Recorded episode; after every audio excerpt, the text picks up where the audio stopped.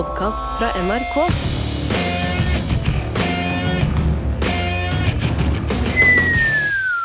Ei caramba, velkommen til Latinonytt her på Det skal handle om eh, rytme? Nei, det skal det ikke. Folkens, velkommen til Trygdekontoret. Arbeiderpartiet styrer landet, men blir likevel omtalt som om de er i krise. Ved forrige kommunevalg var det faktisk første gang siden 1924 at de ikke ble det største partiet, eh, og ikke at dette er noe nytt, for når vi tar pause i å snakke om krisen i Arbeiderpartiet i 2023, så koser vi oss med Makta, en TV-serie om krisen i Arbeiderpartiet på 70-tallet. Og dette er faktisk den andre Trygdekontoret-episoden vi lager om Arbeiderpartiet i krise, bare nå i høst, så da er det vel krise, da? En av de som ofte nevnes på godt og vondt når man snakker om Arbeiderpartiet de siste 25 åra, er Trond Giske. Han har vært eh, AUF-leder, han har vært, uh, hatt tre ministerposter, men er nå blitt lokalpolitiker og er brennaktuell as we speak med boka Verdt å slåss for, som handler om nettopp hva som har gått galt med Arbeiderpartiet, og hva som skal til for å snu den negative trenden, og kanskje for å starte et ørlite comeback. Velkommen hit, Trond Giske. Takk for det. Er Arbeiderpartiet i krise? Og i så fall, ja, svaret er ja. Hvorfor? Det er definitivt krise. Når du snakker om makta, nå har ikke jeg fått sett den ennå, men Ikke jeg heller, det, skal, det, må vi si her. Ja. Det som de definerte som krise, var jo valget i 1981, mm. som Arbeiderpartiet tror jeg fikk 38 da er du bortskjemt, altså. Ja, og, og, vi hadde jo jubla. Altså, det hadde jo vært bløtkake i månedsvis hvis vi hadde hatt tilsvarende oppslutning nå. Mm. Uh, og når du sier vi gjør det dårligste valget på 99 år, siden 1924, mm. Så kan det være verdt å ta med seg hvorfor gjorde vi et dårlig valg i 1924. Jo, fordi at i 1923 hadde man det mest opprivende landsmøtet i Arbeiderpartiet noensinne. Tranmæl og Gerhardsen vant voteringa med to stemmer. Gerhardsen ble valgt som sekretær med 90 mot 88 stemmer. Mm. De 88 som tapte, forlot salen og starta sitt eget parti, mm. og året etter var det valg. Da gjorde vi det dårlig, men det var altså marginalt dårligere enn det vi gjorde i 2023. Mm. Så ja, det er definitivt krise. Mm. Eh, er det så farlig at Arbeiderpartiet blir et lite parti? Jeg er klar over vi sitter her på ARK og snakker om dette partiet, men er det så veldig farlig, da? Det er jo ikke partiene i seg sjøl som er det viktigste, det er jo ideene og politikken som ligger bak som er det viktige. Men det at vi trenger et stort sosialdemokratisk parti i Norge, og uh, krefter som har makt til å gjennomføre det som jeg tror på, og vi tror på, mm. rettferdig fordeling, eh, folks innflytelse, små forskjeller, Eh, at vi tar hele landet i bruk. Det som har bygd Norge, det mener jeg definitivt er viktig. Mm. Og det er ikke gitt at det skal være sånn. Rundt omkring i Europa ser vi nå flere land hvor valget ikke lenger står mellom ei venstreside og høyreside. Det står mellom en sentrum-høyre-allianse mm. og en ytre høyre-allianse. Mm. Eh, mer og mer. I Frankrike er det Macron, en ja, knapt sosialdemokrat, mm. som står mot uh, Le Pen. I, i Polen eh, ble det nå skifte, og venstresida rundt, rundt, omkring jubler for en meget sentrumsorientert politiker som vant over høyrepopulismen. Mm. Og du ser det i Italia, hvor venstresida har uh, omtrent forsvunnet. Mm. Så det er alvor, egentlig, for venstresida i Europa. Det er jo litt uh, spøkelse Dette er litt sånn vardøger fra fordums tider i Tyskland. Jeg vet altså På 2030-tallet så var det liksom eh, Det ble en polarisering. Så du hadde kommunistene på ene siden og nazistene på andre siden. Og, det, til å begynne med, eller ganske lenge, lang tid, så var jo ikke de var jo ikke hverandres hovedfiender. Begge to hatet sosialdemokratene, som lå i skvis mellom. Ja, ja. De ut, men det vi ser nå, er at den kommunistsiden, kan vi si, den finnes ikke lenger. Altså venstresiden har jo da bare blitt uh, på en måte utradert ja. uh, mange steder. Og da sitter man igjen med sånn moderat uh, sentrumsblokk, og så er det da høyresida sin som representerer andre blok blokka. Men apropos serier, altså, det går en annen serie på NRK som heter Babylon Berlin, som er helt fantastisk, spør du meg. Som handler om Weimar-tidens ja, Berlin, hvor det var fest? Hvordan kom det egentlig til at nazistene etter hvert fikk mer og mer innflytelse? Mm. Og det begynner jo med at det politiske systemet ikke lenger fungerer, at folk mister tiltro ikke bare til partiene, men til hele demokratiet. Mm. Og, Demokratiet leverer ikke? Nei, leverer ikke. Og ikke minst at folk føler seg veldig fremmedgjort. De føler at de er uten innflytelse, og de mm. føler at de ikke blir hørt på. Kanskje til og med at vanlige folk føler at de blir sett ned på. Mm. Den manglende respekten mm. for kan du si, vanlige folk, da, eller arbeidsfolk, folk med som er ufaglært eller fagarbeidere eller uh, har lite utdanning, hvor den akademiske kompetansen uh, og, og, den klassen, blir den profesjonelle klassen som man kaller det, mm. blir eh, styrende. Og i, Norge nå, i sist valg, én ting var jo at Høyre ble større enn Arbeiderpartiet, men Høyre fikk sånn 670 000 stemmer, det tar jeg til huske, når vi fikk 580 000 stemmer. Mm. Det satt 1,6 millioner mennesker hjem. Mm. Eh, så om du legger sammen de tre største partiene, så blir det akkurat så, så vidt like stort som hjemmesitterpartiet. I Europa så er det sånn at hvis du legger sammen dem som stemmer på høyrepopulistiske partier, og dem som sitter hjemme, mm. så er det et flertall. Mm. Det betyr at det er et flertall som ikke lenger egentlig aktivt slutter opp om det liberale demokratiet. De gidder ikke, gidder ikke være med mer? Det er, det er virkelig et faresignal for hva som kan skje. Og du kan si, hvis den mistrua den mangelen på følelsen av innflytelse, mm. den mangelen på følelsen av å bli sett, kolliderer med en stor økonomisk krise. Mm -hmm. Da har du oppskriften på eh, framveksten av eh, antidemokratiske og autoritære krefter. Mm. Det er ganske mye som står på spill. Eh, dette minner jo om dette begrepet i psykologien lært hjelpeløshet. Altså man bare Det har ikke noe å si hva du gjør, det, du, du, du, blir ikke hørt, det har ikke noe å si, det har ingen effekt. Jeg tenker på Dette minner litt om på skolen, når vi hadde sånn eh, elever kunne stemme om ting på ungdomsskolen og videregående og sånn, ja. så var det sånn Så var det jo eh, jeg og sikkert andre, og vi stemte Ja, det må være lov å røyke Det var på den tida hvor røyking var tøft, det må sies til våre yngre lyttere. Det er det ikke lenger. Men det var jo veldig tøft på 80-tallet. Nå. Nå er det farlig. Men da var det sånn uh, det, skal lov, det, skal bli lov å røyke i skolegården, ikke sant? Og så ble det flertall for det. Skjedde ingenting. Det ble aldri lov å røyke. Ikke sant? Så den derre Du lærer at det er bare et ritual, dette med Altså, makta rår Makta gjør som den vil, uansett hva man stemmer på, eller uansett hva, hva som skjer. Og det man, det man ser hvis vi fortsetter på det sporet om hvordan demokratiet egentlig er i fare, så, så sier man jo det, og det er jo kan tilbake til Berlin i 30-tallet, da, men det er at og Einar Gerhardsen skriver i boka si òg at den, den, som er fattig, har alltid vært fattig. Mm. Vet ikke annet. Og på en måte leve med sin situasjon. Mm. Det er når du møter overklassen, ser hvordan andre har det, mm. at opprøret kommer. Mm. Og det som også bidrar til opprør, er når middelklassen den som Miste. en gang hadde noe, ja. er langt farligere enn den som aldri Og har mista det. Ja, det tror jeg jeg leste farligere. i boka di. det har du lest. Var Charlie LeDuff, en, en Pulitzer-vinnende journalist vi møtte i Detroit, som ja, sa det. Ja, og det er helt riktig. Det er når middelklassen mister håpet, eller mm. middelklassen forsvinner. Mm. Og det er jo det som skjer i USA. Eh, at du enten må kjempe deg opp i overklassen, mm. eller så havner du ned i, i working poor, eller, eller utafor samfunnet. Mm. Eh, vi er ikke der i Norge eh, ennå, mm. men det er jo det som skjer nå. Men Folk opplever rente, strømregninger. Mm. Det å kjøpe seg et hus i byene er nesten uoverkommelig for, på, for, for folk med en vanlig inntekt. Mm. Middelklassen er mm. bekymra, og det går nedover. Det er farlig for et samfunn. Og da er det to veier å gå. Det er venstrepopulisme. altså populisme i seg selv, det at det har blitt et skjellsord, irriterer jo meg, fordi altså det oppsto jo Det er faktisk det største tredjepartiet i amerikansk historie var The People's Party, eller The Populist Party, som var et sosialdemokratisk bondeparti som ble stifta i Kansas og Iowa på 1890-tallet. Da var jo populisme var et, Det betyr at det var Altså, makta springer ut av folket.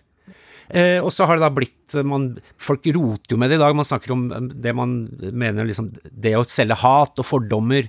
Sjåvinisme, det er populisme. Eller det å, eh, det å, si det akkurat den tilhørerskaren vil høre til enhver tid. Og skifte altså det betyr, Da er du demagog når du bare Ikke sant? Um, men det, det, betyr jo egentlig altså folkelig politikk ut fra folket. Mot da Men da som stilt da gjerne mot en elite. Ja da, og hvis du tar arbeiderbevegelsens framvekst, eh, altså eh, både Tranmæl og Gerhardsen og Nygaardsvold 30-tallet. Mm. Eh, det er klart at eh, hadde dagens eh, kommentariat i Oslo-gryta skulle beskrevet det, mm. så ville de jo kalt det populistisk og uansvarlig og løftepolitikk. Og, så bare mm. tenkte jeg du lever i massearbeidsløshetens tid, mm. og noen sier 'hele folket i arbeid'. Mm. Det er jo helt utopisk. Mm. Men det var en konkret visjon, sprunget ut av den nøden som var blant folk. Mm. Og folk trodde på det, og de slutta opp om det. Det ga håp, og det ga til slutt også resultat. Mm. Og det er jo det som er på en måte venstresidas oppgave nå, er jo å gi vanlige folk håp. Mm. At det faktisk er mulig å bli hørt. At det er mulig å bli tatt på alvor, få innflytelse, få en økonomisk trygg hverdag, at jobben fortsatt er trygg. Eh, for rakner det, så er det helt riktig som du sier, da står det andre krefter klar til å overta. Mm. Det, altså, la oss si at det er en, altså venstrepopulisme, sånn som vi ser med Bernie Sanders. altså um, det, det, er liksom, det er folket mot eliten. Mens høyrepopulismen ha, vil ha en sånn mørk edge, og det er jo høyre, altså folket mot eliten og en tredje gruppe.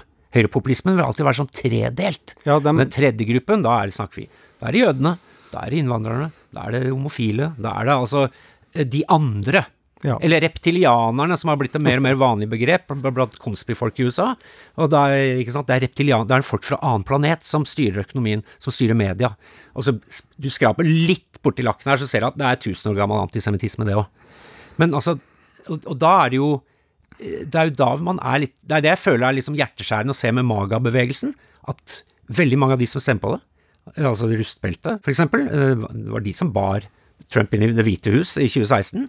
Fordi at han så, de, han så Jeg ser dere. Jeg ser dere som har blitt havna på historiens skraphaug av automatisering, outsourcing av jobbene og alt dette der. Ikke sant? Men så ser du hvem det er han har med seg, hvem, hvem han egentlig representerer, så er det en eh, rå pengemakt som er like så elitistisk som den Hillary Clinton representerer. Ja da, og de siste utspillene fra Trump nå er jo, det er jo som å høre noe ekko fra og du virkelig ikke vil hente opp igjen fra, fra mm. grava. Det, det, er skummelt.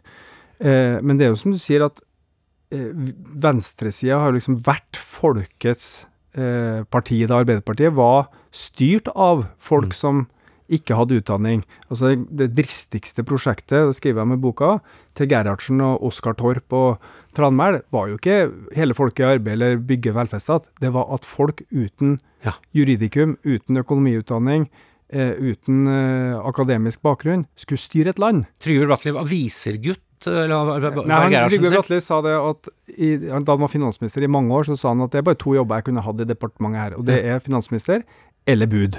Ja. Eh, fordi alle jobbene imellom mm. har han ikke de formelle papirene for å, å, å, å, ta. Det er vakkert. Ja, og det er vakkert, men det er også i ferd med å forsvinne, fordi også venstresida har uh, fått seg en elite. Mm. Og det her skriver jo han Thomas Piketty skriver jo om det. Han kaller den venstreorienterte eliten Altså en fransk økonom? Ja. Mm. Han skriver at venstresidas så han kaller venstresidas elite for braminerne, kaller han det etter hindu, hinduismens den presteklasse. Den øverste kasten? Ja. ja. Presteklassen, altså nye presteskapet, mm. som bygger sin posisjon på eh, utdanning og kulturell kapital. Mm. Mens høyresidas elite har vært økonomi.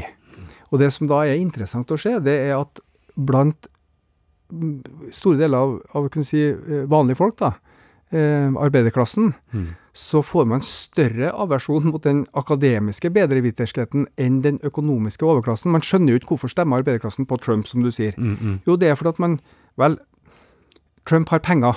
Mm. Det er noe han har. Mm. De på venstresida har utdanning. Det er noe de er. De er ja. utdanna, de er dyktige, de er flinke. Mm.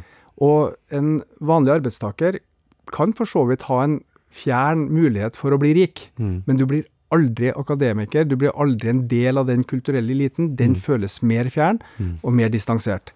Og den eh, avstanden der er veldig skummel for venstresida, fordi at det er det som bidrar til, i stor grad, at uh, vanlige arbeidsfolk finner andre politiske alternativer disclaimer her, jeg har ikke sett makta av den TV-serien, men jeg vet jo hva den handler om. Eh, også en annen disclaimer, jeg vokste opp i hus ved siden av Ralf Steen og Ines Vargas, han, hans kone.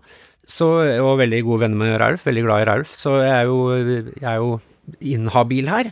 Eh, men altså, denne makt Han blir jo fremstilt som en sånn famlende type som har litt uh, drikkeproblemer, osv. Men det vi ser, det, det, altså dette skiftet i 1981, som vi sier, altså, den handler jo om en intern strid mellom høyre- og venstresiden eh, i Arbeiderpartiet, hvor da eh, dette teknokratiske er jo da Gro Harlem Brundtland som kommer inn som representant for høyresida, og det er de som vinner, mens da Rauf og den gjengen eh, hans, den gamle gjengen som du sier, altså uh, arbeidere som ble politikere, de er da venstresiden, og de taper denne kampen. Uh, i 1981. Um, uh, jeg leste Kjetil Jacobsen skriver i Morgenbladet at dette er i makta i den serien, det er egentlig det er en, sånn, det er en touch av klasseforakt i dette her. At uh, arbeidere som, som, politikere, da blir det bare fyll og spetakkel. Her må man inn med høytutdannede folk fra Oslo vest. Um, er ikke det du vil se resultatet av i dag, på en måte en effekt av det som skjedde i 1981, dette valget som ble tatt der? Ja, det, altså det er jo en klasseforakt også i Norge. Det, jeg opplevde jo når vi starta det lokallaget mitt på, som heter Nidaros, mm. og vi fikk 3000-4000 medlemmer. og Veldig mange av dem er jo eh, vanlige arbeidstakere, det er uføre, det er pensjonister. Folk, Vi har jo både leger og jurister, og vi òg, men veldig mange uten utdanning. Og da skriver jo f.eks. VG at mye rart kom flyvende når Giske satte ut fjøslykta. Og Vårt Land skrev Såpass, ja. ja. og Vårt Land skrev at de var en Det er insekter og det er møll? Ja. Og, på det. Og, og, og wow. det kan jo ikke være basert altså det, Man burde jo tenkt at ok, 4000 vanlige folk mm. engasjerer seg for første gang i sitt liv politisk. Mm. Det er fader meg noe vi skal kanskje lære av, eller lytte ja. eller finne ut av. Mm. Isteden så er det litt sånn Nei, hvem er det her, da? Hvem, hva, hva, står de for? Mm. Det er jo ofte ha styring av strømmen. De er skeptiske til fri mm. flyt av strøm til, til, til kontinentet. De de vil ha høyere uføretrygd og, og, ikke står fullt og helt på den arbeidslinja hvor det skal. Lønne seg å Eller ikke lønne seg å Det skal tape seg å være sjuk, straffe seg å være sjuk. Eh, så det er jo en sånn underliggende forakt. Men jeg vil si det at det er klart, det Gro og Jens gjorde eh, Gro i 81, Jens fra 92 og utover, eller fra, 90, eh, fra 2000-tallet, da. Mm. Det var jo å eh, åpne Arbeiderpartiet også for akademikere og folk med utdanning. Mm. Og vi trenger dem, skal vi være 40 mm. I Norge så mm. må vi ha begge gruppene. Mm. Men det er fortsatt, og det tror jeg journalistene i Oslo-gryta ikke tar inn over seg, det er to tredjedeler av norske befolkning mm. som tilhører arbeiderklasse, ufaglærte, faglærte eller lavere middelklasse. Mm. Det er det store flertallet. Den, det er bare 10-12 som har lang høyere utdanning.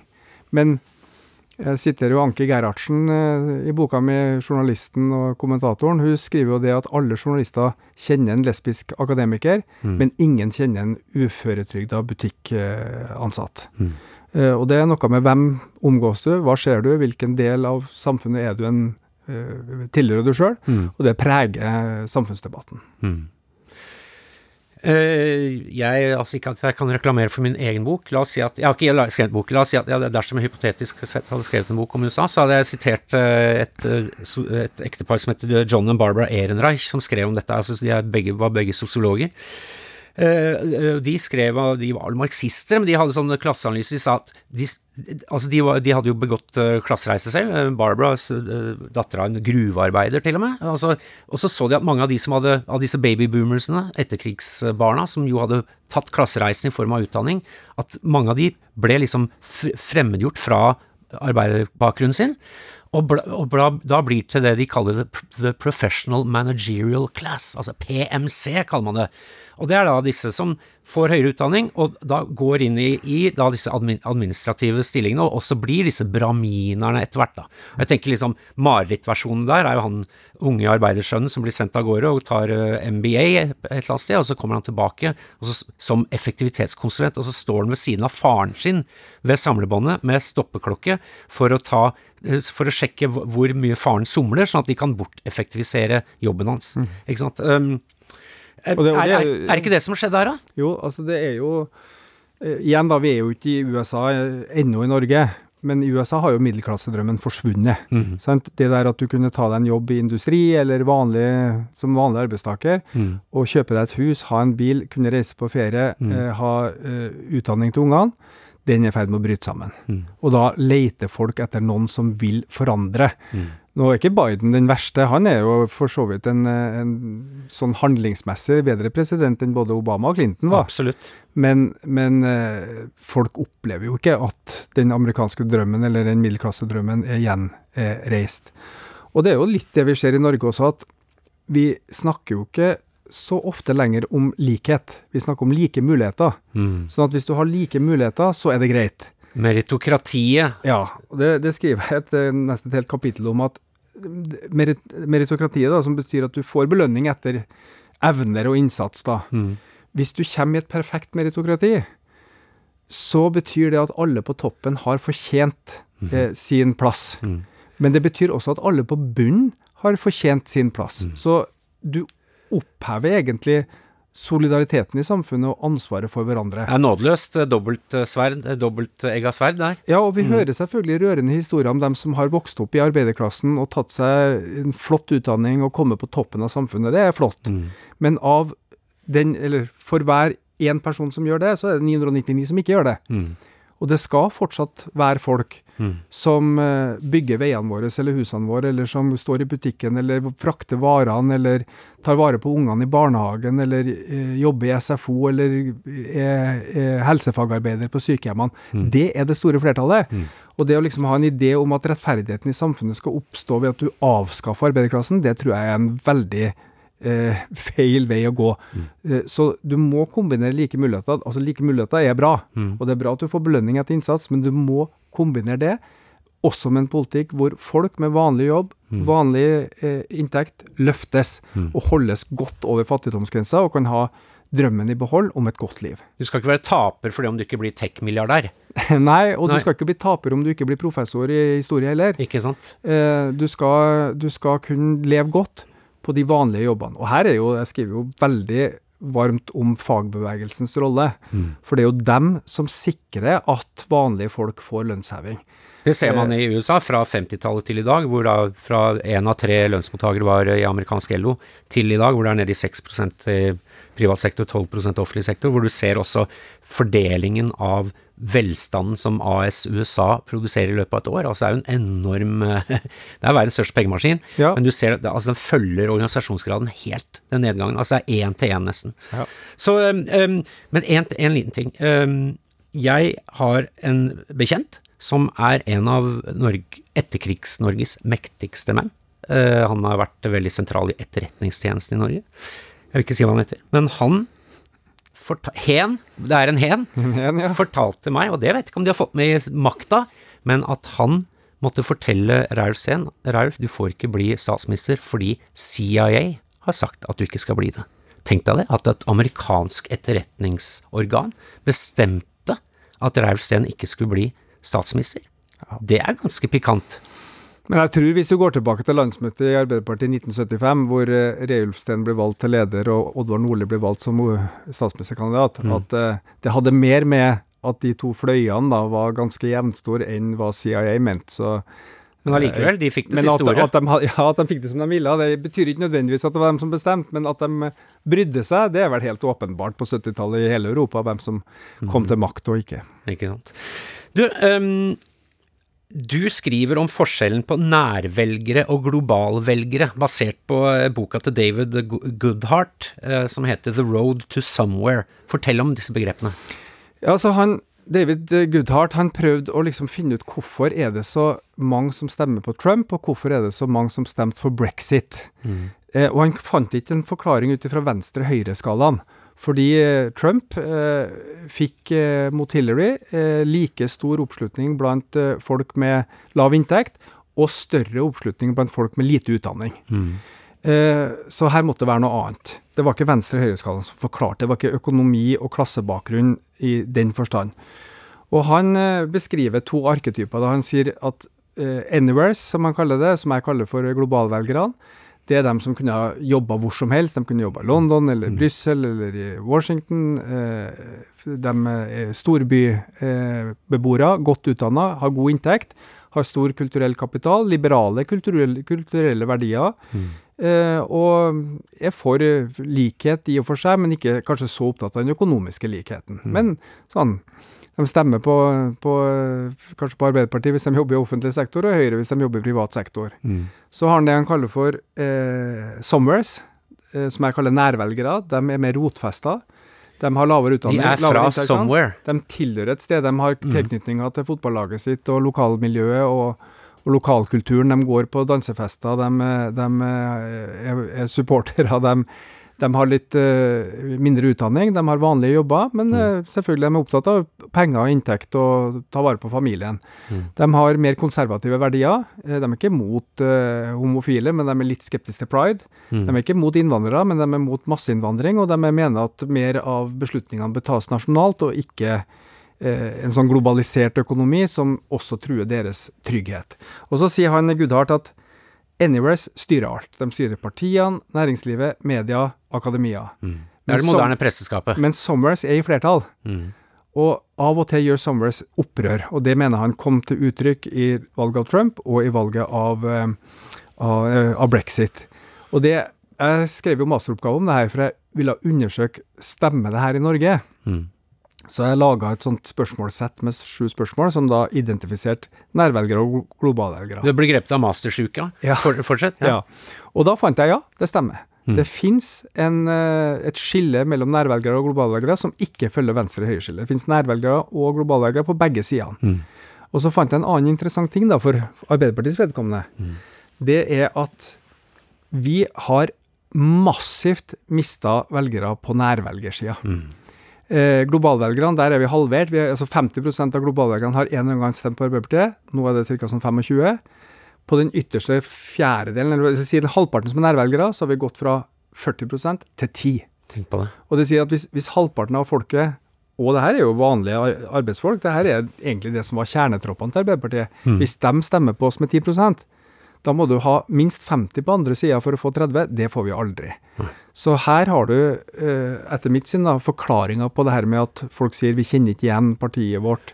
Eh, Altså både velgerflukt og hjemmesitting. 1,6 millioner som sitter Ja. du, du, du regner med, eller man vet at ganske mange av de 1,6 millionene er nærvelgere? Ja, altså, det, jeg målte jo det også. Det Ja. er mye større hjemmesitting blant nærvelgerne enn blant globalvelgerne. De store partiene på nærvelgersida, det er Senterpartiet på venstresida og Frp på høyresida. Mm. De store, eller de store, de fremste eh, globalvelgerpartiene er selvfølgelig MDG Mm. og Venstre. Eh, og så er det faktisk SV og Arbeiderpartiet. Mm. Så vi har blitt et globalvelgerparti og mista den gamle ryggraden. Og det er jo det du ser i valget òg nå. Vi taper i Nord-Norge, vi taper i Trøndelag, vi taper i Innlandet, i Østfold. Altså hele den ryggraden, den røde ryggraden. Mm. Vi taper kommuner hvor vi har styrt i, i 113 år. Mm. Eh, som Lillestrøm og Sarpsborg, hvor vi har hatt ordføreren gjennom to verdenskriger og, og krise og, og alt. Det, det, det, vi har brukket eh, Du taper serp. Ja, vi taper, vi taper de områdene hvor ja, det er vanlige folk med vanlig liv eh, som ikke lenger har tillit til oss som det største partiet. Men du vinner på Frogner og på Løkka. Nei, vi gjør heller ikke det, da, dessverre. Heller.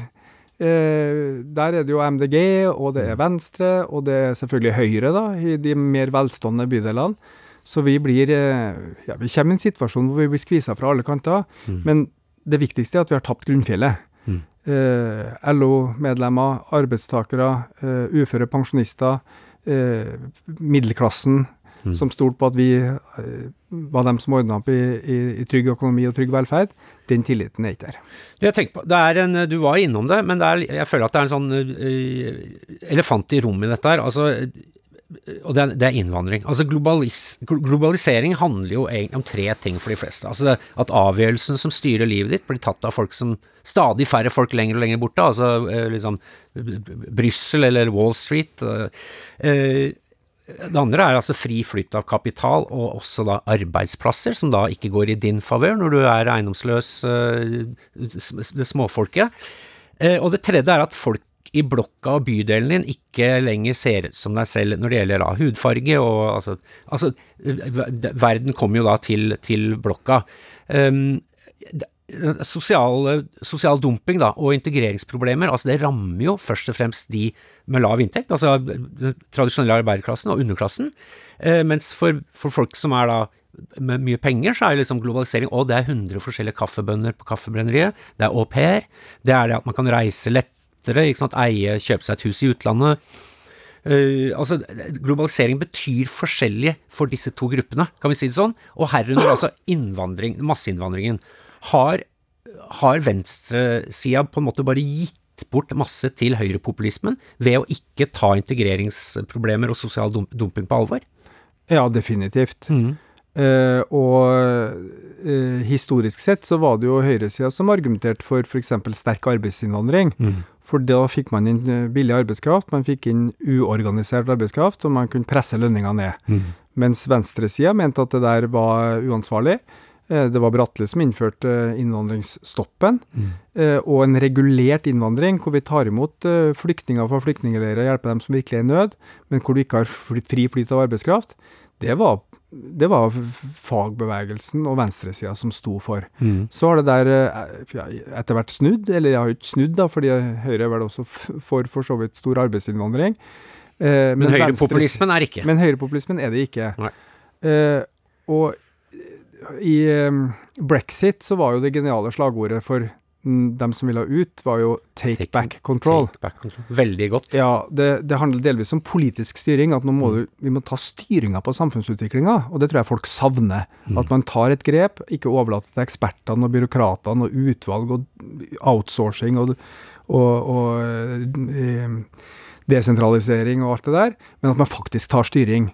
Men det handler jo også om å kunne ha litt styring på eget liv. Altså Mm. take back control. Du har mista litt forutsigbarheten og kontrollen i eget liv. Mm. Nå tror jeg heldigvis da at den innvandringsskepsisen som handler om at ikke vi liksom alle sammen er hvite i huden og, og, og spiser likt og, og har det likt, Mm. den er på vei bort. Mm. Folk er vant med at vi lever i et flerkulturelt samfunn. For det er på samfunn. grunn av den at venstresida langt på vei har hatt en berøringsangst, kan man si. Ja, men det, men, men det der å gå fra et homogent til et flerkulturelt samfunn er jo en, er jo en krevende prosess. Mm. Og vi gjorde nok feil på 90-tallet at vi ikke tok den bekymringa mer på alvor, og liksom, liksom snakk, bare prøvde å løse det med sånn gladsnakk om fargerikt fellesskap. Mm.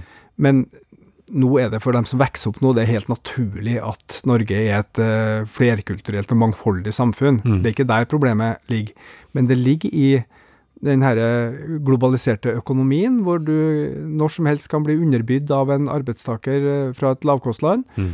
Og som du sier, eh, fri flyt av arbeidskraft og folk i Europa ser veldig annerledes ut for den som tar en eh, høyere utdanning i London eller Paris, enn den som da mister jobben fordi at en lastebilsjåfør fra, fra et eh, land med mye lavere lønninger som, som tar fra deg jobben. Mm. Og det, det må vi ta på alvor. Mm. Og jeg mener jo at Jeg viser jo litt til Danmark, hvor For det er sosialdemokratiet eh, tona flagg i eh, Altså Mette Fredriksen de har og- skifta linje Mm. eh, med Mette Fredriksen og sagt at vi må ha en streng innvandringspolitikk. Mm. Eh, I Sverige gjør nå sosialdemokratene akkurat det samme. De var jo veldig eh, liberale, Mm. og kanskje også naive, og nå er de strenge. I Norge gjorde vi det motsatte. Er det derfor, Blir de belønna? Altså, I både Sverige og Danmark så ble arbeiderpartiene, de respektive arbeiderpartiene ble jo største i valget i 2022. Eh, hva gjør de annerledes der i Norge? Nei, altså det her er en bit av det. Mm. Uh, Mette Fredriksen har også vært flink til å snakke om vanlige folk og vanlige arbeidstakere. Eh, nå gjør vi ikke det, men noe spesielt eh, kjempevalg sist, og nå har jeg jo gått i koalisjon med, med sentrum Høyre. Mm. Så det er noe litt eh, både og der òg, men den nyorienteringa på innvandringspolitikken og Jeg skriver i boka mi at en god politikk består av tre ting. Den består av en streng og kontrollert innvandringspolitikk. Den består av en sjenerøs bistandspolitikk. Det er jo helt rett. Mm. Som kong Harald fikk kjeft for for noen år siden. Han sa at alle kan ikke komme til Europa. Mm. Det, det, det er jo helt korrekt. Mm. Eh, vi må gi afrikansk ungdom håp om en framtid i Nigeria eller i andre land, Mm. eh, fordi at det er uoverkommelig at de skal komme til Europa. Mm. Så, så en sjenerøs bistandspolitikk og hjelp til utvikling. Og det tredje, en veldig god integreringspolitikk. Og der vi ser jo tendensene i Norge som vi ser i Sverige. I Sverige er det jo kommet helt ut av kontroll, selvfølgelig.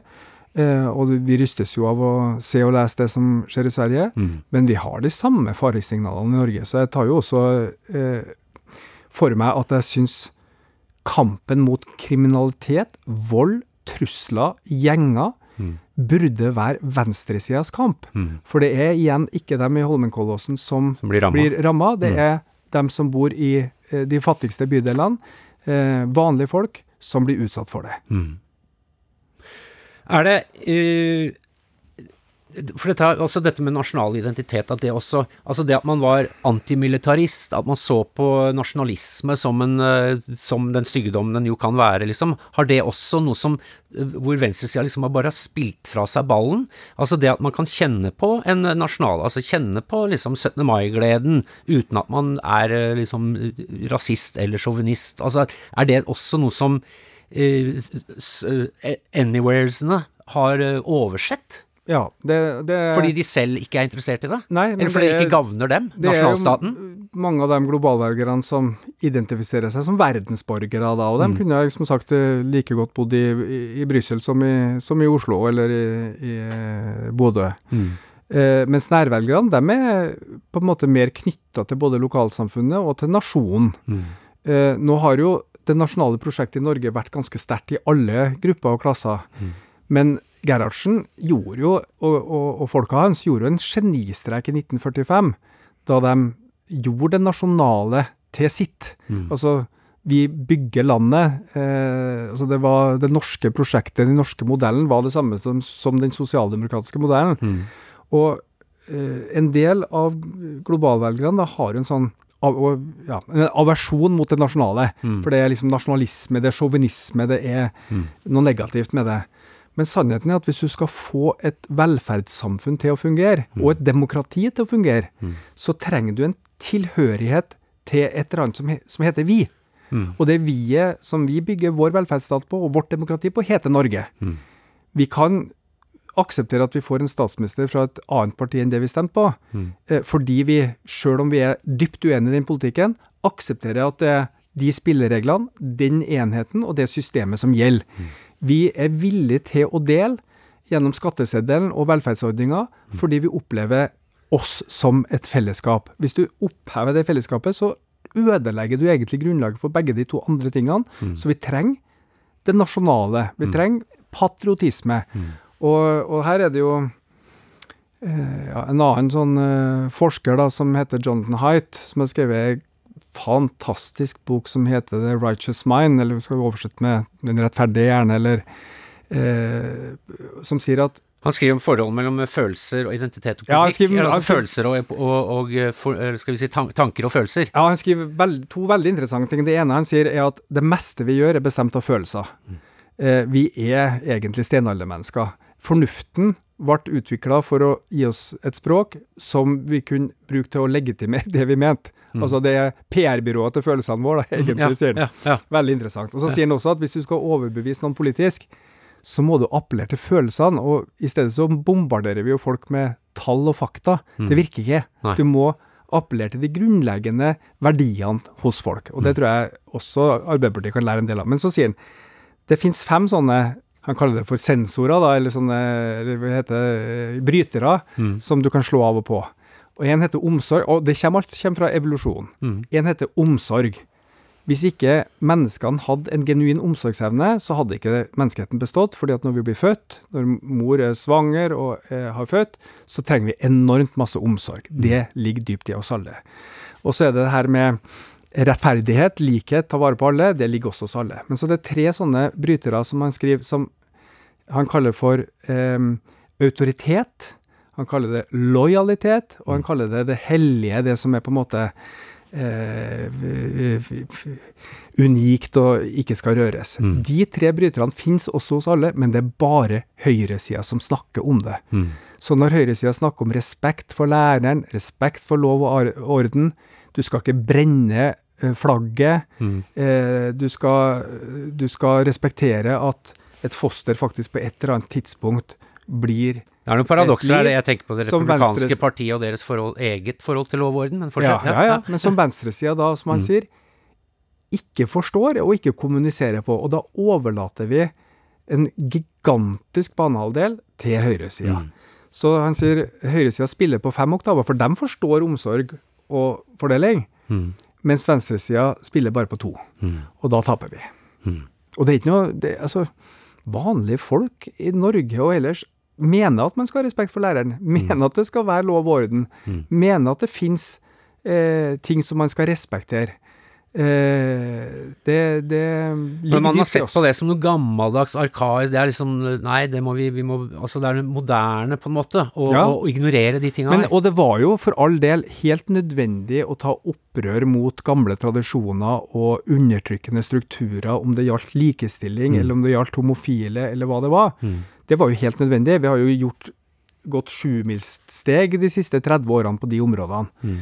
Eh, men, men vi må ikke miste selve prinsippet om eh, disse tingene, at vi har et fellesskap, at vi har en lojalitet, at vi har en patriotisme, at vi har en, eh, Det er ikke bare sånn evolusjonært uh, rusk som vi har liksom vokst oss ut fra. Nei, du kan, Vekk fra. Du, du kan ikke avskaffe det i folk, for det er nedfelt uh, av overlevelse gjennom hundretusenvis av år. Mm. Så, så det er i oss, Uh, og prøver vi å ignorere det, så, så taper vi. Og jeg tror jo det som skjer, er at hvis venstresida tilbyr bare et sånt atomisert samfunn hvor hver enkelt enten bare er et individ, eller bare er den lille gruppa de tilhører, altså identitetspolitikken, Mm. og du ikke har noe som er overordna felles, da blir det mye verre for venstresida å vinne fram. Og da, folk som da etterspør et fellesskap, kunne finne på å gå til høyrepopulistiske partier, fordi at selv om det kanskje er et ekskluderende fellesskap, med fiendskap mot enkeltgrupper, som du sa, så er det tross alt et fellesskap. Det er tross alt nasjonalisme. Eh, og det, det er skummelt. Og der, er- der er- Jeg skriver jo en historie om, i boka mi om Du snakka om USA og fagbevegelsen. Mm. At der jobber man nå systematisk i store bedrifter for å dele opp de ansatte etter etnisitet og seksuell legning. De skaper såkalte safe rooms og safe groups, Mm. hvor de da kan være sammen eh, og snakke sammen. Mm. Dette er helt åpenlyst, eh, de skriver det på nettet, disse konsulentbyråene, Mm. en strategi for å unngå fagorganisering. Ja, de sier også til fag... Dette her eh, har jeg skrevet om sjøl i boka mi, eh, og selv i det fag, fagforeningsfiendtlige, i hvert fall lovmessige USA, så er det strengt forbudt for bedriftsledere, altså bedrifter, å opprette det som kan se ut som fag, fagorganisasjoner. falske fagforeninger. Falske fagforeninger. Men det de også sier til dem, ikke gå til fagbevegelsen, det er bare hvite, det er bare hvite gamle menn Ja. Og fagbevegelsen har jo forbud mot å skille mellom medlemmer på bakgrunn av etnisitet og seksuell legning, eller hva det skulle være. For der er jo hele tankegangen at vi faktisk har noe til felles.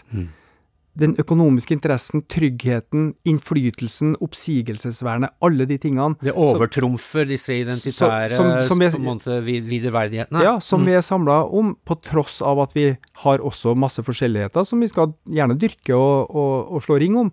Men vi må også slå ring om det som er felles. Og der er identitetspolitikken litt på ville veier. Du siterer en veldig klok mann i boka di når det gjelder identitetspolitikk. Den kloke mannen er, er selvsagt meg. Eh, Jeg skriver at cancel culture wokeness er klassekamp minus klasse, mens høyrekulturkrig er verdikamp uten verdier. Så sier jeg også det er én verdi de aldri nevner, det er solidaritet. Hvor, hvor stor trussel er egentlig da såkalt woke og identitetspolitikk for, for, for venstresida? Altså, i USA har det gått av hengslene. Mm. Og, og, og kombinert med en, en kanselleringskultur hvor folk rett og slett blir redd for å si hva de mener. Mm. Du kan miste jobben ikke sant? hvis du skriver noe gærent på nettet, eller bruker et ord uforvarende. Nå ser jeg mange som er pro-Palestina, mister jobben i USA.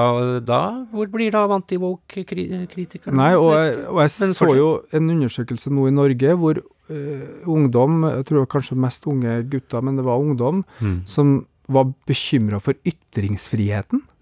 Og det handler jo ikke om at vi har sensur sånn fra det offentlige, men det handler jo om at du blir slått ned på hvis du bruker et feil ord eller sier noe som er gærent. Altså hypersensitive Ja. ligger da som sånn språklig hypersensitivitet ligger da og, og støyer over det som burde vært eh, felles, eh, felles grunnlag. ja, og det er jo en sånn egentlig litt underliggende drivkraft i at en måte å fremheve seg sjøl på, Mm. er jo å angripe Blir moral, Andre. moralpoliti. bli moralpoliti. Mm. Og det er når mange nok begynner å lete etter feil i utsagn hos andre, Mm. eh, at det kan gå alvorlig gærent. Alle sånne totalitære bevegelser, om det var Maos lille røde bok og ungmaoistene, eller eh, andre sånne type bevegelser, handla jo om det. Mm. Å sende dem på landet hvis de hadde briller, for da var du akademiker, eller eh, ta folk for at de var annerledes. Mm. Eh, så det er jo et paradoks at jeg vil si bare en liten del, da, i Norge i hvert fall, venstresida, kaster seg på en sånn bølge. Vi som var forkjemperne for frihet og ytringer og, og muligheten til å si hva du mener. Gartnerimpulsen den viser seg også, altså den som jeg tenker ligger til bunn for veldig mye fascisme, hvordan man ser på minoriteter blant annet. Altså samfunnet er et blomsterbed hvor du bare kan luke ut ugresset. Ja. Det er litt, det er, det er samme tendensen her òg. Ja, og du skal Altså, ethvert samfunn som prøver å fjerne liksom et samfunnsproblem totalt, blir Ja. totalitært. Men nå blir det i hvert fall lakmus, lakmustesten, ser vi nå, hvorvidt man forsvarer de som eh, mister jobben pga. pro-Palestina-utsagn. Så det blir spennende å se om alle blir med på galeien derfra. For jeg tenker at ytringsfrihet er jo et prinsipp Ja, og, Og du, da må begge sider Da må gjelde alle veier. ja, og du ser det jo på sosiale medier, da, at uh, altså der hva betyr det jo inntekta di, hvis du, Mm. hvis du bruker det hvis du da blir uh, kansellert eller boikotta. Men som sagt, vi, vi, må, vi er ikke i USA, i Norge, foreløpig. Nei. Vi har litt sunnere instinkter, men vi har tendenser, og jeg tror vi skal være på vakt, fordi at uh, sånne si, moralske epidemier eller sånn panikker Mm. kan spre seg og, og skape veldig utrivelige samfunnsforhold. Satanic panic, som det het i USA på 80-tallet, hvor man begynte å se det var sataniske sekter overalt som styrte Ja. barnehager og sånn. Ja, og Og det er- jo McCarthyismen selvfølgelig. McCarthyismen og- Dette kjenner man igjen fra klassisk antisemittisme, og det er en pest. Ja, det, ja, altså, det var for at jødene kom til landsbyen. Ja. Ikke sant? Og så har man en grunn til å begynne med pogrom. Eh, du, eh, apropos moralens vokter. Eh, vår venn Trygdebeistet har gitt opp politikk for lenge siden, men finner stadig nye grunner til hvorfor han ikke kommer til å stemme.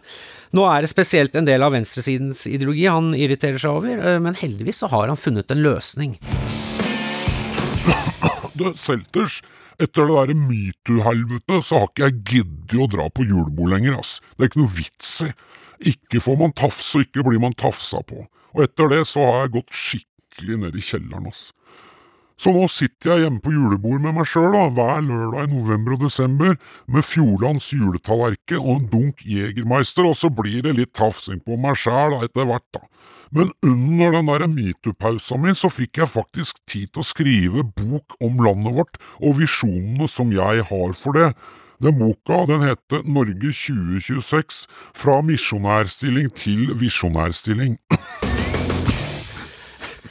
Trond Giske, fra misjonærstilling til visjonærstilling. Eh, altså, nå er jo ikke jeg verken VG-journalist eller det som er lenger ned på rangstigen, nemlig høyesterettsdommer, så jeg skal ikke, jeg tar ikke stilling til altså, Men har om Det har vært en del kontroverser rundt deg, må man kunne si. Og det er kanskje en av årsakene til at du ikke er med og bestemmer Arbeiderpartiets strategi nå. Eh, hva tenker du om alt dette nå?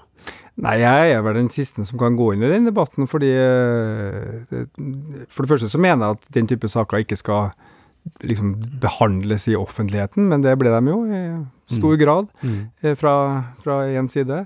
Eh, så tenker jeg at Ja, så jeg tenker at nå har jeg skrevet en bok om politikk, og hvis jeg begynner å snakke om noe annet, så blir det oppmerksomheten. Men jeg tror nok et parti som Arbeiderpartiet på 20 eh, ikke liksom daglig må stille seg det Nytt på nytt-spørsmålet hvem skal ut. Jeg tror Mm. det kanskje er lurere å spørre hvordan får vi flere med. Eh, så eh, jeg tror at hvis vi skal være stor, så må vi være en bred koalisjon, og vi må tåle hverandre, og vi må legge litt sånn personlige maktkamper til side. Ja, det er jo ganske spesielt å si, eh, for det, i Arbeiderpartiet, Arbeiderpartiet er ikke noe søndagsskole, det er noen av oss har snakka sammen, osv. Så, så Ja det, er, vel- det er vel en kultur for det i Ap òg. Er det kanskje det er litt sånn karmisk, det som skjer nå, at det, det har vært så mye noen har snakka sammen, at til slutt så orka ikke skjebnen mer? Nei, jeg tror altså grunnen til at vi skjebneguden. Ja. Grunnen, ja, grunnen til at vi er på 20 er jo nå skrevet en hel bok om da, og hva vi kan gjøre med det. Mm. Men eh, det var maktkamper før også, eh, og, og der det er makt, er det maktkamp. Mm. Men du må tåle hverandre. altså Håkon Lie og Einar Gerhardsen tålte hverandre i 25 år, før, eller i 50 år, før det, før det smalt. Mm. Eh, Gro og Reiulf eh, fikk jo da til valget i 1977, Mm. eh, som ga oss over 40 Mm.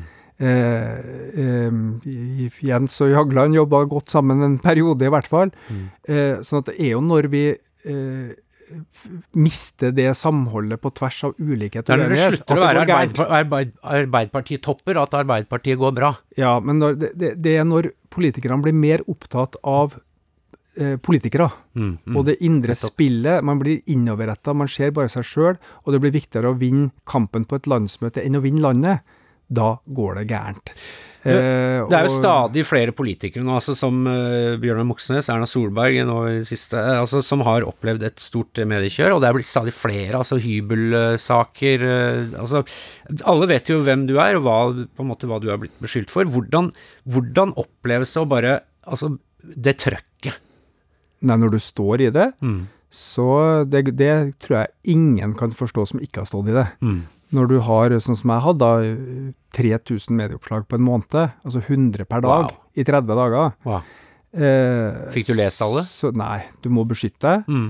Eh, men, men det, det er ubeskrivelig. Og jeg må jo si at jeg, jeg må jo si at de som klarer å stå i det som, som Erna Solberg står i nå, det, det, man forstår ikke hvordan det er. Og jeg tror egentlig til sjuende og sist at så Kommentariatet skjønner jo ikke hvorfor ikke Høyre ligger på 5% og hvorfor ikke Erna Solberg har trukket seg. Mm. Men jeg tror det handler om at folk flest opplever at den saken og Sindre Finnes og den type saker da, Mm. har ikke noen betydning i deres liv. Altså Ingen fikk lavere strømregning eller billigere rente av at Anniken Huitfeldt gikk av som Mm. utenriksminister. Det er irrelevant for dem. Mm. De spør seg hva er det dere skal gjøre for at vårt liv blir bedre. Mm. Og vi må snakke mer om det, og avisene bør skrive mer om det, og mindre om det politiske spillet. Mm. Eh, og det at Høyre da fortsatt har 27% og Erna står som en klippe, det forteller litt om at det her har ikke eh, det, det, det er ikke det som folk eh, syns er viktigst. Eh, altså, for meg så fremsto du tidligere som en sånn sentrums-venstrepolitiker. Uh, jeg tenkte i hele mitt voksenliv Han Trond Giske, vi veit jo at han kommer til å bli statsminister en gang. Også nå eh, har jo ikke det skjedd eh, enn så lenge. Eh, Men nå kommer, jeg føler at nå kommer det ut med litt sånn klass, forsvar av klassiske, mer gamle venstresideverdier. Altså, hva, hva Har du, har du endra syn på ting i løpet av disse åra nå? Ja, til dels er det det. Altså det å slutte i toppolitikk, og være ute av den bobla, du blir jo prega av den. Mm. Og jeg hadde jo vært her i 25 år. Mm. Så det å komme tilbake og nå bare jobbe med politikk på frivillig basis, eh, ha et lokallag med folk som er med på frivillig basis, du lytter bedre, og du hører andre historier, og du, du får andre inntrykk. Så det preger nok eh, både boka mi og tenkninga mi. Eh, men jeg vil si at igjen den der venstre Jeg har jo målt meg sjøl. Jeg er sentrum nærvelger, da. Altså jeg er den fjerdedelen som er nærvelger mot midten. Mm. Eh, og jeg er venstreorientert. Mm. Eh, men jeg er mer radikal på fordelingspolitikk og arbeidslivspolitikk og den type ting, og mindre radikal på eller radikal venstreorientert i den forstand vi har opplevd det nå, da. I kriminalpolitikk og innvandringspolitikk og en del verdispørsmål. Mm. Men det tror jeg egentlig ikke var i strid med arbeiderbevegelsens røtter. Tvert imot. Det var der folk kom fra. Ja. Det var sånn det var. Ja. Så det er egentlig, som du sier, da, litt mer tilbake til røttene. Jeg husker jeg satt på en av de uteserveringene på Gardermoen for en del år siden, og så uh, satt jeg, jeg tror det var sikkert oljearbeidere eller noe sånt, eh, litt sånn storvokste karer som skulle fra, fra hjemmefra til jobb på en, ut på en rigg, og så kom du forbi, og så, og så sa de, begynte de å si kor, Siv Jensen, Siv Jensen. Og der følte jeg at nå har du begynt å henvende deg litt til dem igjen. Nei, men altså, Frp tok jo veldig mange av våre velgere på 90-tallet. Da var Frp største parti i mm, flere år, den var på 30 eh, og det var nærvelgerne. Så tok vi en del av dem tilbake, særlig under finanskrisa, da Stoltenberg styrte landet trygt og godt, eh, hadde økonomi, materielle spørsmål, hele den derre eh, trygge styringa eh, i bunn. Da kom de tilbake, da gjorde vi et kjempevalg, 35% Så så vi jo en periode at Senterpartiet hadde 20% Det var igjen, det var nærvelgerne. Mm. Eh, det gikk over etter at eh, de kom i regjering, Mm. eh, og nå er de litt hjemløse. Noen har gått til Rødt, noen har gått til eh, Høyre, noen har gått til Industri- og Næringspartiet, som Mm. ligger på en 4 Mm. eh, men veldig mange sitter på gjerdet. Men de har ikke gått tilbake til oss. Mm. Og det er oppgaven vår. Vi skal holde på globalvelgerne, men vi må vinne tilbake den nærvelgerskaren. Mm. For det er jo der folk er. Det er eh, det store flertallet av vanlige folk i Norge som, eh, som leter etter et parti som skal ta vare på det norske sosialdemokratiet eh, og ta styringa over samfunnet tilbake. Du skal ha både de som flyr rutefly til Toskana, og de som flyr charterfly til Mallorca Ja. på ferie. Apropos uh, rutefly og charterfly. Uh, jeg tenker dette med, med klimakrisen. Altså, det er jo en veldig stor bøyg for, for dette prosjektet her. Altså, hvordan, hvordan forholder man seg, seg til den liksom retorisk for å nå For at det, da handler jo Altså, prisen for klimaendringene har jo mange steder blitt overlatt til de som har minst, da, ikke sant. Altså det er, det er, de, som, det er de fattigste som sitter igjen med høye bensin og virkelig svir av eh, høye eh, avgifter på bensin, på bil f.eks. Altså alle de tinga der. Hvordan, eh, hvordan skal man appellere til dem og si men vi må også eh, altså både ta klimahensyn, for der brenner det på dass, men uten at det går utover eh, småfolket. Nei, men man kommer hverandre i møte. Altså, Nærvelgerne må også ta inn over seg, det gjør nok de fleste, at klimakrisa er alvorlig. Noen sier at det er ikke helt sikkert, men jeg skriver i boka mi at det er jo som å komme til ei bru. Mm. Og det store flertall av ingeniører sier at den der brua kommer antagelig til å rase sammen. Det er jo ikke sikkert at den raser sammen, Mm. men du setter jo ikke over. Mm. Spesielt hvis, ikke du har, hvis du har hele menneskeheten om bord i bilen din. Mm. Så du må ta de forholdsreglene. Men det globalvelgerne må forstå, er at det er ikke bare å skyve regninga over på vanlige folk. Mm. For en millionær så er bompengene null og niks. Det betyr ingenting. Man ser ikke trekket på kontoen, bryr seg ikke. Mm. For en familie med en vanlig økonomi kan det være et ganske bra innhogg. Mm. Eh, og det å tenke at flate skatter og avgifter og bompenger eh, er måten å løse det på, eh, det virker veldig usolidarisk. I det første programmet til Arbeiderpartiet, eller var det til og med før Arbeiderpartiet var stifta, fra 1885, Mm. så sto det i punkt nummer én å fjerne indirekte skatter. Ja, som var avgifter. For det ramma vanlige folk. Du skulle ha en progressiv inntektsbeskatning, Mm. kanskje en formuesbeskatning, men ikke de der flate avgiftene er jo som til og med TV-lisensen. Altså, for noe, det, er bare, det er noe dritt. Det er jo flat beskatning. ja. Det er jo folkefiendtlig, kan man si.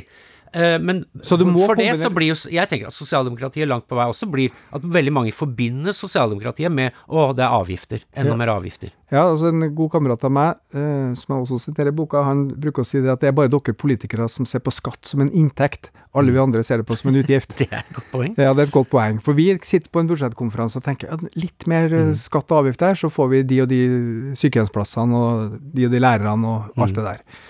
Eh, men nøkkelen for å få med folk på klimapolitikk er at det er rettferdig. Mm. At dem som har mest, betaler mest, og at vanlige folk eh, ikke blir eh, dem som må bære den tyngste børa. Mm. Og at man også har respekt for folks arbeidsliv. Jeg syns av og til at eh, miljødebatten preges av litt for lett, ikke lettvinte, men for det er jo absolutt virkningsfulle tiltak, Mm. men som da har stor innvirkning på folks trygghet og økonomi og arbeid. Og det skal du, du skal ikke ta lett på det. Du må gjøre det på en ansvarlig måte. Trond Giske, hva synes resten av Arbeiderpartiet at du mener så mye og så høyt? Nei, Det blir jo spennende å se. det. Jeg håper jo at jeg bidrar til en debatt. Eh, Partisekretæren og lederen har jo sagt at vi skal snu hver en stein etter valgnederlaget. Mm. Og nå har jeg nå 257 sider med steiner her som kan snus og vendes på, og i hvert fall er et bidrag til den debatten. Mm. Eh, vi har jo forsømt debatten, for vi tok den ikke i 2017, da vi tapte et valg som vi skulle ha vunnet. Vi tok den ikke i 2019, da vi hadde lokalvalg, fordi at på tross av at vi gjorde det dårlig, fikk vi mange ordførere. Vi tok den ikke i 2021. Mm. Da gjorde vi et enda dårligere valg enn i 2017, men vi fikk regjeringsmakt. Nå er vi nødt til å ta den. Mm. For vi har gjort eh, noen av våre dårligste valg har vi gjort de siste åtte årene. Og skal vi reise oss, så må vi begynne jobben nå. Du, jeg tenker du har jo åpna for nasjonalt comeback eh, i det siste. altså Dette partilaget som du nå eier, kan man si, er jo eh, Du likte ikke at jeg brukte ordet eier, det så jeg på øya dine. Men eh, som nå eier, det er vel er det største, største lokallaget i Arbeiderpartiet? Ja, ja, det er jo og den boka di kan jo leses, det er jo et politisk manifest dette her. Altså visjonærstillinga. Hva er endgamet ditt? Er det regjering? Statsminister? Nei, mitt endgame altså, President? Altså, Jeg har jo sagt jeg har ikke gått lenger enn å si at jeg, da jeg slutta i 2021, var jeg helt sikker på at jeg skulle ikke tilbake i noe heltidsverv som eh, politiker. Mm. Nå er jeg usikker. Mm. Jeg driver med det her på frivillig basis. Jeg håper jo at noen kjøper boka mi, for det er det jeg skal kjøpe mat for de neste månedene. Mm. Men, eh, men jeg har åpna for det. Men eh, jeg er i tenkeboksen, og jeg sier jo det at det vil jo avhenge av hva Nidaros-medlemmene mener, hvor mange de er. Det Mm. vil avhenge av hva familien min mener, Mm. for dem er jo litt sånn ufrivillig med på lasset. Mm. Når det stormer, så går det jo hardere utover dem enn Mm. enn utover meg, på en Mm. måte, for jeg er nå både vant med det og har nå valgt det sjøl. Mm. Så vi får se. Eh, jeg skal meddele det hvis jeg kommer ut av boksen. Det blir ikke siste Det blir ikke siste vi hører fra deg, Trond Giske. Nei, jeg håper jo at eh, noen liksom svarer på de utfordringene, og at vi får en politisk debatt. For at, bare ta det også. Jeg tror at når partiet er i trøbbel, så har vi veldig lett for å si at vi kommuniserer for dårlig. Vi har ikke Mm. fått ut budskapet. Folk har ikke forstått hva vi driver med å gjøre. Det kan jo, hvis du har ligget lavt veldig lenge, være at folk har forstått hva du gjør, men ikke liker det. det er en mulighet. Og da kan det hende at du er nødt til å forandre politikken og justere kursen. Mm. Eh, fordi det er foreløpig ikke avholdt et valg i Norge hvor, hvor folket har blitt bytta ut. Det Mm. er politikerne som blir bytta ut hvis eh, velgerne ikke er fornøyd. Så det er vi som må forandre oss og fornye oss og forbedre oss hvis vi skal vinne ny tillit. Trond Giske, eh, tusen takk for at du kom. Til dere som hørte på, takk for at dere hørte på. Jeg heter Thomas Seltzer. De som har laga Trygdekontoret, er da meg, Uh, meg selv. Til Silje Martinsen Vettere og Marco Reinertsen. Vi høres neste uke. Inntil da har du bare én ting å gjøre, nemlig å stay Trygg, da. Stay trygg, da, motherfucker. En podkast fra NRK. Ja, politiet fikk eh, melding om en knivstikking ca. kvart over tolv i dag. En helt vanlig formiddag dukker det opp en psykotisk mann hjemme hos 24-åringen Heikki Palto på Majorstua i Oslo. Så det virker jo helt, helt tilfeldig at han da går og banker på der. Familien kan ikke fatte hva som har skjedd. Det sto ni ubesvarte anrop. Da tenkte jeg, hva har skjedd nå? Selv om åstedet var så stort, så var det ikke ett eneste spor. Hør 'Drapsmann på døra' i appen NRK Radio.